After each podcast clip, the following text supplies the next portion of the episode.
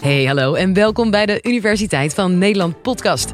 Ik ben Sophie Frankemolen en wat fijn dat je weer luistert. Jij slikt vast wel eens een paracetamolletje. Innemen met water en je hoofd- of rug- of teenpijn verdwijnt in het gunstigste geval als sneeuw voor de zon. En voor de meeste medicijnen geldt, zodra je het pilletje slikt, verspreidt de werkzame stof zich kriskras door je hele lichaam. Meestal is dat geen probleem, maar als het op sommige plekken voor bijwerkingen zorgt, is het minder prettig. RNA-medicijnen zijn daarvoor de oplossing. Roy van der Meel van de TU Eindhoven legt je in dit college uit hoe dat in zijn werk gaat. Dit is de Universiteit van Nederland. Ik heb gisteravond mijn knie gestoten en het doet nog steeds flinke pijn.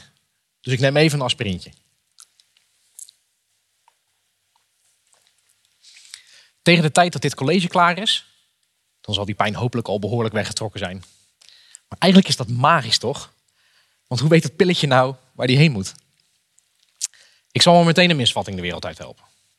Aspirine is geen kruisraket die recht op zijn doel afgaat. Op dit moment gaat het pilletje via mijn slokdarm naar mijn maag. En uiteindelijk komt het in mijn darmen terecht, waar het pilletje uit elkaar valt. En vanuit daar wordt de werkzame stof, de aspirine, in mijn bloed opgenomen. En zo wordt het vervolgens kriskras door mijn hele lichaam verspreid. Zo ook tot in mijn knie. Tot zover de magie. Nou, in het geval van aspirine is het niet zo erg dat het door mijn hele lijf verspreid wordt. De bijwerkingen van aspirine zijn voor de meeste mensen zo klein dat het geen kwaad kan dat het op plekken terechtkomt waar het eigenlijk niet hoort. Maar dit geldt niet voor alle geneesmiddelen. Er zijn ook medicijnen waarbij we heel goed moeten kijken waar precies wat terechtkomt. Denk bijvoorbeeld aan chemotherapie bij de behandeling van kanker. Dit werkt onwijs goed, is heel krachtig als het gaat om het bestrijden van een tumor. Maar omdat het ook op plekken in het lichaam komt waar het niet hoort, kun je last krijgen van zeer onaangename en serieuze bijwerkingen. Naast dat je haar kan uitvallen, hebben veel patiënten last van misselijkheid of diarree. En vaak ontstaat er een tekort aan rode en witte bloedcellen. Hoe kunnen we dit nou verbeteren? Ik ben een biomedisch technoloog en onderzoek hoe we geneesmiddelen gerichter en specifieker in kunnen zetten. En om precies te zijn, doe ik dit voor RNA-geneesmiddelen. Een revolutionaire nieuwe klasse van medicijnen. En in dit college leg ik uit hoe dat in zijn werk gaat en wat deze groep geneesmiddelen zo anders maakt ten opzichte van de medicijnen die we nu al hebben. Zoals het pilletje aspirine wat ik net heb genomen. Laten we beginnen met de basis. Hoe werken traditionele geneesmiddelen nu eigenlijk? Vrijwel alle bestaande geneesmiddelen zijn synthetische of biologische medicijnen. Synthetische geneesmiddelen worden in een fabriek gemaakt door verschillende bouwstenen met elkaar te combineren. Je kunt het een beetje zien als een mooi Lego-project. Je zet de juiste steentjes in elkaar en op elkaar en je vormt daarmee een molecuul dat we nodig hebben. En aspirine is hier een voorbeeld van. Nou, deze geneesmiddelen zijn zo ontzettend klein dat ze zich gemakkelijk door je lichaam heen kunnen manoeuvreren. En vaak grijpen deze geneesmiddelen aan op eiwitten eh, binnen of buiten op de cel. Nou, eiwitten spelen een hele belangrijke rol in ons lichaam en zetten allerlei processen in je lijf in gang. En geneesmiddelen kunnen daarop inhaken en die processen activeren of juist remmen. En in het geval van aspirine remt het geneesmiddel bijvoorbeeld specifiek de werking van eiwitten die een rol spelen bij koorts, ontstekingen, pijn. En de werking van biologische geneesmiddelen lijkt hierop. Deze grijpen ook aan op eiwitten in je lichaam. Maar biologische geneesmiddelen lijken zelf al veel meer op de eiwitten die ook al van nature in ons lichaam aanwezig zijn. Deze geneesmiddelen zijn vaak heel lastig of onmogelijk in elkaar te zetten op de Lego-manier. En in plaats daarvan laten we ze maken door levende cellen, zoals bacteriën. En dat kan op hele grote schaal, in een soort gigantische zwembaden vol met die bacteriën. En deze bacteriën kunnen aan het werk zetten en zelfs zo manipuleren dat ze exact de therapeutische eiwitten maken die jij graag wil hebben. Een voorbeeld hiervan is insuline. Als je last hebt van diabetes type 1, dan maakt je lichaam zelf niet genoeg insuline aan. Je kan dan uh, in de vorm van medicijnen, door middel van een injectie, zelf extra insuline toevoegen. De insuline werd vroeger gewonnen uit de alvleesklier van varkens, maar tegenwoordig wordt het geproduceerd door bacteriën. Nog mooier zou het zijn als je deze eiwitten niet door bacteriën, maar door je eigen lichaam kan laten produceren. En dat doet de nieuwste klasse van medicijnen, de RNA-geneesmiddelen. En misschien denk je nu aan de mRNA-vaccins en dan zit je in de goede hoek. Dan kom ik zo op terug. Het idee is dat je met RNA-geneesmiddelen het lichaam kunt inzetten als je eigen persoonlijke medicijnfabriek. Nou, om te snappen hoe RNA-geneesmiddelen werken, hebben we een kort lesje over DNA en genetische code nodig. In elk van onze cellen bevindt zich DNA. En dat wordt stevig beschermd door de celkern, een soort kluis. En afhankelijk van signalen uit het lichaam worden er kopietjes van stukjes DNA gemaakt. Dat noemen we het messenger-RNA, oftewel mRNA. Het mRNA kun je dus daarbij zien als de boodschapper. Het bevat een code die de informatie van het DNA overbrengt naar de rest van de cel. Nou, het mRNA wordt de celkern uitgesluist en komt in het plasma van de cel terecht. En daar bevindt zich het ribosoom, hier in blauw. Dat is een machientje die de code kan omzetten in een bepaald product, een specifiek eiwit. Bijvoorbeeld, in jouw DNA staat de code beschreven voor het hormoon insuline. Insuline zorgt ervoor dat suiker kan worden opgenomen uit je bloed en in je cellen terechtkomt. En dat is belangrijk, want dan kan jij die suiker gebruiken als energiebron. Dus zodra je wat eet, dan stijgt je bloedsuikerspiegel. Dan geeft jouw lichaam een seintje aan je cellen om RNA-kopietjes te maken van de code die voor insuline staat. En vervolgens maakt die cel insuline aan. En dat is de kralenketting die je hier ziet. Nou, het mooie van RNA-geneesmiddelen is dat ze gebruik maken van de keuken van het lichaam. De ingrediënten zijn allemaal al in onze cel aanwezig. Het RNA is het recept. En het ribosoom kun je zien als de chefkok. En hier zit precies de crux van wat we willen doen met RNA-geneesmiddelen. We willen dus onze medicijnrecepten de cel insturen door een stukje RNA-code te schrijven en dat aan te bieden aan de cel. En hiermee geef je dus eigenlijk het lichaam een blauwdruk om zelf geneesmiddelen te produceren.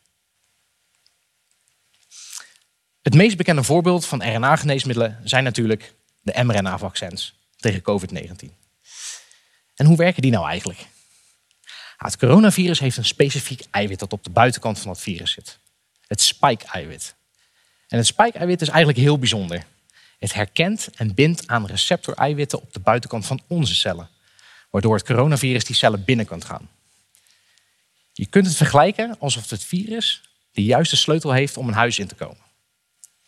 En aan het begin van de pandemie hebben onderzoekers de RNA-code van die spike-eiwitten heel snel achterhaald.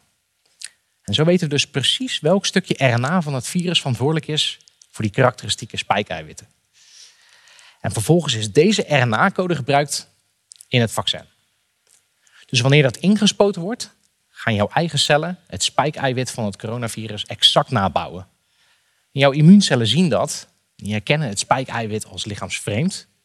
En die bouwen zo'n immuunrespons op tegen het coronavirus zonder dat ze daadwerkelijk met het echte virus in contact zijn geweest. Mocht er nu een variant opduiken waar het vaccin niet werkzaam tegen is, dan kan de mRNA-code heel snel aangepast worden om nieuwe effectieve vaccins te maken. En ook kunnen mRNA-vaccins in de toekomst snel ontwikkeld worden, mocht er een nieuwe pandemie uitbreken. Maar ook kunnen ze worden ingezet tegen bestaande infectieziekten, zoals bijvoorbeeld de griep. Een andere toepassing van RNA-geneesmiddelen is eiwitvervangende therapie. Een voorbeeld hiervan zijn stollingseiwitten. Als jij een wondje hebt, dan maakt je lichaam stollingseiwitten aan. En daardoor komt er een korstje op het wondje en kan het goed helen. Er zijn ook mensen bij wie die stollingseiwitten niet goed aangemaakt worden of helemaal niet. En dat is een probleem wanneer die mensen te maken krijgen met een grote wond of een operatie. En op dat moment krijgen deze patiënten extra stollingseiwitten ingespoten die geproduceerd zijn door bacteriën. Ja, dat zijn dus weer die biologische medicijnen waar ik het eerder over had. In plaats van dit eiwit te produceren in bacteriën en daarna toe te dienen, kan ook een RNA-geneesmiddel met de juiste instructies worden toegediend. Waarna jouw lichaam dus alsnog zelf deze eiwitten gaat produceren. Nou, deze techniek kan in de toekomst waarschijnlijk voor de productie van veel meer eiwitten gebruiken. Bijvoorbeeld ook voor insuline. een van de meest veelbelovende RNA-geneesmiddeltoepassingen is het ontwikkelen van persoonlijke therapie voor de behandeling van kanker. De huidige behandelingen voor kanker hebben heel veel bijwerkingen en kunnen vaak niet goed genoeg kankercellen van normale cellen onderscheiden. Nou, kanker wordt veroorzaakt door mutaties in het DNA. En naast ongeremde groei kunnen deze mutaties ervoor zorgen dat de unieke eiwitten op het oppervlak van een kankercel tevoorschijn komen. En dat is op zich niet gek, want elke cel heeft eiwitten op zijn oppervlak. Maar door mutaties van de kankercel kunnen deze eiwitten een klein beetje verschillen van die op een normale cel. En dat is vaak zo subtiel dat het ons afweersysteem niet eens opvalt. Ze laten de kankercellen daarom ook vaak met rust, waardoor die alsmaar kunnen groeien en groeien en groeien. Maar als wij het DNA van die kankercel en een normale cel vergelijken, kunnen we precies zien welk stukje code afwijkt en verantwoordelijk is voor die unieke eiwitten op de buitenkant van de kankercel. Die code kunnen we dan als RNA aanbieden aan cellen van jouw immuunsysteem, zodat die weten: hey, dit zijn de zieke kankercellen die we moeten opruimen. Nou, welke mutatie kanker veroorzaakt, is voor elke patiënt uniek. En daarom spreken we hier ook echt van persoonlijke antikankermedicijnen. Dit klinkt veelbelovend en RNA-geneesmiddelen zullen in de toekomst kunnen worden ingezet bij de behandeling van zeer veel verschillende ziekten. Nou, voordat we RNA-geneesmiddelen voor de behandeling van meer ziekten kunnen inzetten, zijn er echter nog wel een aantal uitdagingen. Ten eerste is RNA ontzettend kwetsbaar. Ons lichaam is heel goed in staat om RNA te herkennen en af te breken. Ons afweersysteem denkt namelijk dat lichaamsvreemd RNA het gevolg is van een infectie door een bacterie of een virus en probeert dat onmiddellijk op te ruimen. Ten tweede zijn RNA-geneesmiddelen een stuk groter dan die traditionele medicijnen waar ik het eerder over had. RNA-medicijnen zijn wel 1000 tot 5000 keer groter dan de werkzame stof van het aspirintje dat ik net genomen heb. En ze komen niet zomaar in cellen terecht. Juist voor RNA-medicijnen is dat heel belangrijk. In het geval van traditionele medicijnen gaat het vaak om stofjes die aan eiwitten op of buiten cellen binden, of gemakkelijk cellen kunnen binnengaan. Dit is niet het geval bij RNA, waarbij het dus noodzakelijk is dat het binnen in de cel terechtkomt. Daar bevinden zich die ribosomen, de machientjes, die die code aflezen en eiwitten produceren. Het RNA mag dus niet ergens in het lichaam blijven rondwalen en worden afgebroken, want dan heb je er helemaal niks aan. We moeten het RNA dus zowel goed beschermen als zorgen dat het binnen in de juiste cellen wordt afgeleverd. En daar zijn wij in het lab nog druk mee bezig. En dat doen we door het RNA te verpakken in hele kleine vetdruppeltjes. Die vetdruppeltjes zijn gemaakt van lichaams-eigen bouwstenen en worden daardoor niet meteen afgebroken. En naast het beschermen van het RNA zorgen die vetdruppeltjes voor aflevering van het RNA binnenin cellen.